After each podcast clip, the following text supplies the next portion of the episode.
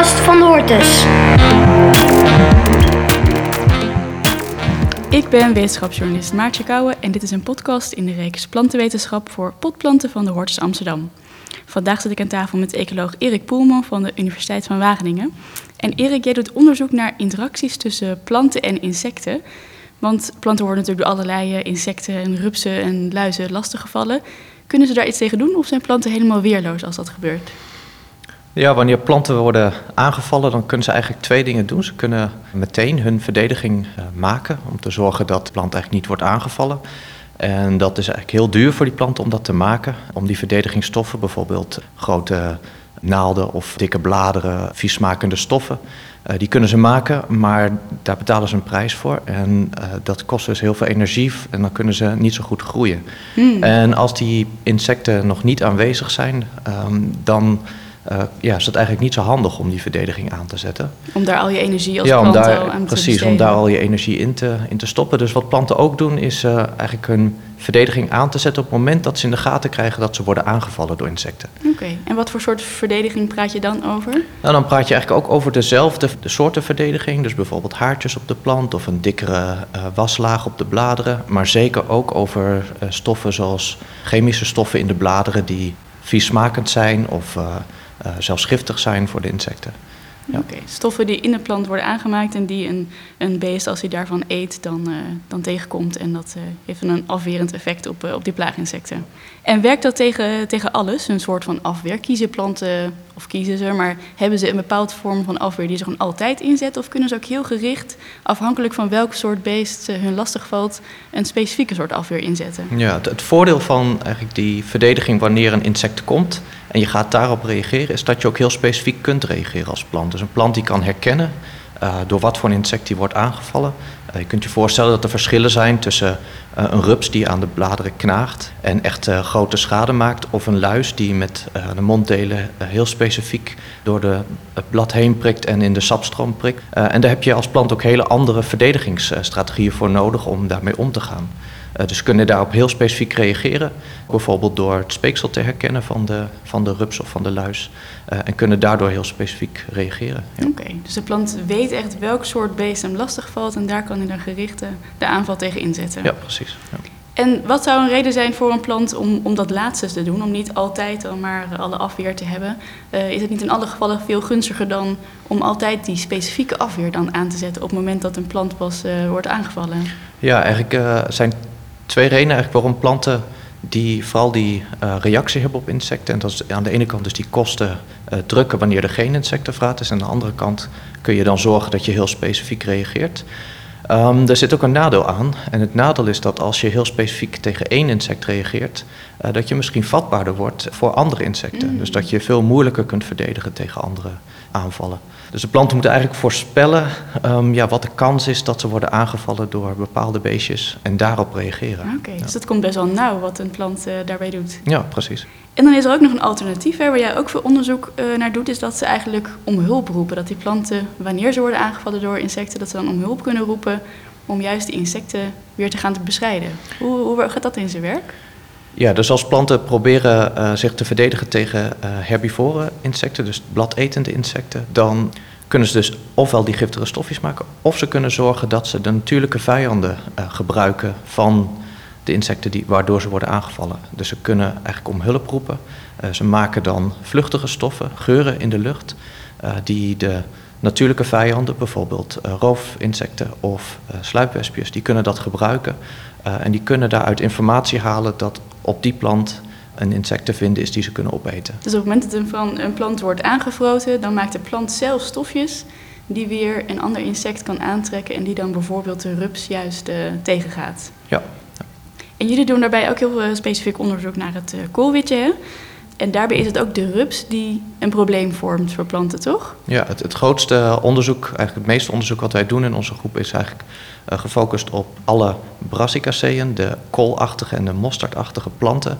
En die worden door koolwitjes opgegeten. En koolwitje is een van de meest uh, belangrijke insecten die op die planten voorkomen. En wat gebeurt er daarbij als het, uh, als het koolwitje, als de rups van het koolwitje koolplanten gaat aanvreten? Wat voor reacties zet dat in gang in die koolplanten? Ja, het begint vaak al bij het leggen van een eitje. Als de vlinder een eitje legt op de plant, dan reageert de plant al op het feit dat er een eitje gelegd is. Mm. En als het eitje uitkomt en het, het, jonge rupsje van de plant begint te eten, dan kan die plant, ja, die merkt dat er schade ontstaat aan het blad. Die kan die speeksel waarnemen van die rups. En op dat moment gaat die plant reageren en gaat de verdediging aanmaken. Uh, bijvoorbeeld meer giftige stofjes maken en vaak ook juist op de plaatsen waar ze worden aangevreten. En dat moet al een beetje die, die die op dat moment aan het vreten is, dan uh, tegengaan? Ja, precies. Die rups zal minder hard gaan groeien, soms zelfs doodgaan als de verdediging heel sterk is. Ja, en uiteindelijk uh, is dat een voordeel voor de plant, dat die dus beter verdedigd raakt tegen die ja, rups. En die plant gaat ook in reactie op die rups geurstoffen uitscheiden om weer natuurlijke vijanden aan te trekken. Ja, en dan komen die geurstoffen inderdaad vrij. En die geurstoffen uh, die komen eigenlijk al meteen vrij op het moment dat die rups van de plant gaat eten. Dat is eigenlijk, je kunt dat zelf ook wel ruiken. Als je uh, oh, bijvoorbeeld ja? het gras maait, dan ruik je ook dat vers gemaaide gras. Dat, dat soort vluchtige stoffen die je dan mm. ruikt, dat zijn eigenlijk ook de, de soorten stoffen die planten maken. Ze maken nog meer stoffen. En eigenlijk die hele, dat hele geurprofiel, uh, dat geeft eigenlijk een betrouwbare bron van informatie voor die sluipwespjes om dan uh, ja, die rupsjes te gaan vinden. Ja, want die sluipwespjes, dat zijn de vijanden van, uh, van de rups. Ja. Uh, en die gebruiken dat geursignaal dus om te weten van hier ergens in de buurt zijn rupsen en die wil ik zien te vinden. En waarom willen ze die, die rupsen vinden? Nou, in die rupsen uh, leggen ze de eitjes. Uh, dus ze zijn eigenlijk voor hun voortplanting afhankelijk van die rupsen. Dus in die rupsen worden de eitjes gelegd. Uh, die eitjes die komen dan uit. Het rupsje is dan nog steeds in leven. En die larfjes van de sluipwespen die leven dan op de organen en op het, eigenlijk het bloed van de rups. Die maken de rups nog niet dood, die laten de rups dooreten uh, om te zorgen dat die rups maar groot en sterk blijft. Uh, zodat zij ook al het voedsel kunnen verzamelen van die rups. Uh, en daar ontwikkelen ze dan op. Dus van binnenuit eet die sluipwespenlarve de rups op, maar laat hem wel nog leven. Ja, totdat ze volledig ontwikkeld zijn en dan kruipen ze uit de rups, uh, maken ze een, uh, een klein kokonnetje. Dat kokonnetje komt uiteindelijk dan een nieuwe sluipwesp en de rups gaat dan dood. Dus uiteindelijk is de plant heeft daar ook een voordeel bij dat die rups op termijn is opgeruimd ja, ja. Uh, en minder schade kan doen aan de plant. En die sluipwesp die legt niet alleen eitjes in de rups, maar ook nog een virus, toch? Ja, op het moment, en dat is heel interessant, op het moment dat die sluipwespjes een eitje leggen in de rups, dan stoppen ze daar ook nog een virus in. Dat dragen ze met zich mee. En ze hebben ook nog een kliertje waar ze gifstoffen in hebben. En die spuiten ze ook in de rups. En dat gif en dat virus samen, die uh, reguleren eigenlijk de groei van de rups. En die reguleren uh, eigenlijk die omgeving, zodat eigenlijk die larfjes van die sluipwespen daar heel goed in kunnen opgroeien. Mm. Die rups die wil natuurlijk niet um, ja, door die larfjes worden opgegeten. Nee. Dus die heeft er alle belang bij om eigenlijk te zorgen met een immuunsysteem dat ja, eigenlijk die larfjes worden, uit de weg worden geruimd. En om die reden wordt dat virus en dat gif ingespoten om eigenlijk ook dat immuunsysteem tegen te gaan. En wat verandert daarbij nog meer in die, in die rups? Want het doet ook nog iets met zijn, met zijn speeksel, toch? Met zijn spuug, wat dan weer effect heeft op de planten. Ja, dus die, eigenlijk die hele fysiologie van die rups die verandert. Uh, dat virus dat gaat die rups helemaal reguleren. En wat we zien is dat dan ook het speeksel verandert uh, van die rups. En in dat speeksel daar zitten stofjes die de plant herkent om ja, eigenlijk te merken dat die wordt aangevreten. Maar op het moment dat die sluipwespen daarin zitten, dan veranderen die stoffen. En dan gaat die plant dus ook heel anders reageren op die geparasiteerde rup. En wat gebeurt er dan voor veranderingen in dat hele proces als, als die plant merkt dat het een ander soort speeksel is? Nou, een van de belangrijkste veranderingen is dat ook het geurprofiel van die plant verandert. Dus dat er andere geurstoffen worden geproduceerd. Hm. Um, en daarvan hebben we gevonden dat die geurstoffen die geproduceerd worden, uh, dat die eigenlijk weer de vijanden aantrekken van die sluipwespjes. En dat Aha. noemen we hyperparasieten. En dat zijn ook sluipwespjes, um, maar die leggen geen eitjes in rupsen of luizen, maar die leggen juist hun eitjes in de larven of de poppen van sluipwespen. Aha, dus eigenlijk een, een vierde speler in de rij. Je hebt eerst de rups, of je hebt eigenlijk eerst de plant natuurlijk, en dan de rups, de sluipwesp die juist die rups wil hebben. En dan dus nog een, een hyperparasiet die die sluipwespen weer uit de, uit de weg gaat ruimen. Ja, inderdaad. En dat, um, dat verandert de spuug van die, van die rups. Dat is ook een signaal dus voor die, uh, voor die hyperparasiet om te merken van hé, hey, hier is een geparasiteerde rups. Hier, zitten, hier is een rups die al sluipwesp-eitjes in zich heeft. En zo kan die hyperparasiet dus weer weten van hier is dus een prooi die ik moet hebben. En dan gaat de hyperparasiet weer op de, ja, op de sluipwespen af. Ja, dat klopt. In ons onderzoek vroegen we ons af eigenlijk hoe die hyperparasieten nou in staat zijn om ja, eigenlijk hun gastheer weer te vinden. Want je, ja, die, die larfjes van die sluipwesp die zitten verstopt in die, in die rups. Ja, niet te zien. ja. Ehm, Die geuren zelf niet, die eten zelf niet van de plant. Dus die, ja, daar hadden we eigenlijk de vraag bij, hoe doen ze dat nou, die hyperparasieten? En wat we daar vonden is dat inderdaad op het moment dat die rups, wanneer die de larfjes van de sluipwesp in zich heeft, het speeksel verandert van die rups. Op dat moment eh, zien we dat dus ook die plant anders gaat reageren, andere geuren gaat maken. En daar zit dan een bron van informatie in voor die hyperparasieten. Ja. Om te kunnen ruiken van, nou, dit is een plant waar rupsen op zitten, waar larfjes van die sluipwespen in zitten. En daar komen ze op af. En die weten ze dan te vinden en kunnen daar hun eitje in leggen. En voor de plant is dat best wel nadelig, denk ik. Want juist die, die, eh, die natuurlijke vijanden die juist die rupsen aan het, weg, eh, aan het weghalen waren... die gaat nu opeens juist die vijanden weer aanvallen... waardoor er misschien weer meer rupsen kunnen leven. Ja, dat, we vragen ons heel erg af hoe belangrijk dit is eh, en hoe nadelig dit is voor de plant. Aan de ene kant kun je je voorstellen dat op het moment dat die eerste sluipwespjes komen die een eitje leggen in de rups en de larfjes eh, die daarin opgroeien uiteindelijk die rups doden, dan is eigenlijk voor de plant op dat moment eigenlijk het probleem opgelost. Ja, Eh, de rupsjes zijn dood, eh, die maken geen schade meer. Maar als je kijkt naar de populatie van die sluipwespjes, die je misschien in een volgende generatie rupsen ook nog nodig hebt, dan is het nadelig voor de plant eigenlijk dat er minder sluipwespjes zijn, omdat die hyperparasieten erop afkomen Ja, en eigenlijk die sluipwespjes doden. En ja, heel concreet eigenlijk zien we dat dit eh, ook een probleem is in de, in de kastteelt. Ehm, dus we zien bijvoorbeeld bij paprika-productie dat we daar heel veel problemen hebben met luizen. En wanneer we daar biologisch telen, dan worden daar sluipwespjes op uitgezet. En die sluipwespjes die worden gebruikt om eigenlijk te zorgen dat die eh, luizenpopulatie klein blijft en geen economische schade doet aan het gewas. Ehm, het probleem is echter dat er ook die hyperparasieten in die kas komen. En die kunnen voor de teler een heel groot probleem veroorzaken wanneer ze al die sluipwespjes uit de weg ruimen. Ja, want ze zetten juist heel bewust die sluipwespen in als, als natuurlijke bestrijders eh, in de kas. En hoe gaat dat in zijn werk? Trek je gewoon een, een potje open en strooi je wat, eh, wat sluipwespen in de kas? Of hoe, hoe krijg je die in de kas? Nou, dat kun je als, eh, als teler kun je samenwerken met bedrijven. Een van de bedrijven eh, in Nederland is Koppert. En daar worden eigenlijk die beestjes gekweekt. En ja, er wordt niet alleen insecten gekweekt, maar er wordt ook eh, samen met de teler gewerkt aan wanneer moet je ze nou uitzetten. Dus je moet heel slim eh, eigenlijk uitzetten, niet wanneer het probleem al heel groot is, maar juist wanneer die luizenpopulatie bijvoorbeeld nog gaat opbouwen. Dan kun je die sluipwespjes uitzetten. En misschien moet je dat vaker doen als het probleem eh, nog niet is opgelost. En daarnaast krijg je dan ja, mogelijk het probleem van die hyperparasieten Ja. daarin. En daar moeten we nog een oplossing voor zien te vinden. Ja, hoe eigenlijk we die hyperparasieten buiten de kas weten te houden. En als ze al in de kas zitten, hoe we die weg kunnen vangen eigenlijk zonder dat we de biologische bestrijder, de, de sluipwespjes waar we interesse in hebben, Ja, eh, wegvangen. dus je moet eigenlijk op zoek naar nog een vijand van de vijand van de natuurlijke bestrijder in dit geval. Ja, je zou kunnen gaan zoeken nog weer naar een vijand van de hyperparasieten. Ehm, de vraag is dan of je het probleem goed oplost. Eh, je kunt ook denken aan misschien alternatieven om een mix van sluipwespsoorten of andere natuurlijke vijanden die niet door hyperparasieten worden aangevallen uit te zetten. Ja, natuurlijke vijanden die zelf nog geen vijanden hebben. Ja, bijvoorbeeld echt toppredatoren noemen we dat, die dan niet worden aangevallen door andere Hmm. eh, predatoren. En die zou je in kunnen zetten. Je zou ook andere oplossingen kunnen zoeken door te kijken of je die hyperparasieten zou kunnen wegvangen uit het gewas, eh, zonder dat je de, de sluipwespen wegvangt die je eh, nodig hebt om die eh, luizen op te ruimen. En dat zou je kunnen doen door ja, valletjes te ontwikkelen met een chemische stof die die, sluipwespjes, die hypersluipwespjes aantrekt. En als je dus die natuurlijke bestrijders inzet via een bedrijf, als je ze koopt, hoe, hoe hou je ze dan in de, in de kas? Zet je ze uit als larven of als eitjes? Of heb je echt sluipwespen die je gewoon eh, ja, rond laat vliegen in de kas? Ja, dus uiteindelijk wat er gebeurt is dat die eh sluipwespjes die komen bijvoorbeeld binnen als het over die luizen gaat. Die sluipwespjes die maken eigenlijk in die luis een soort kokonnetje.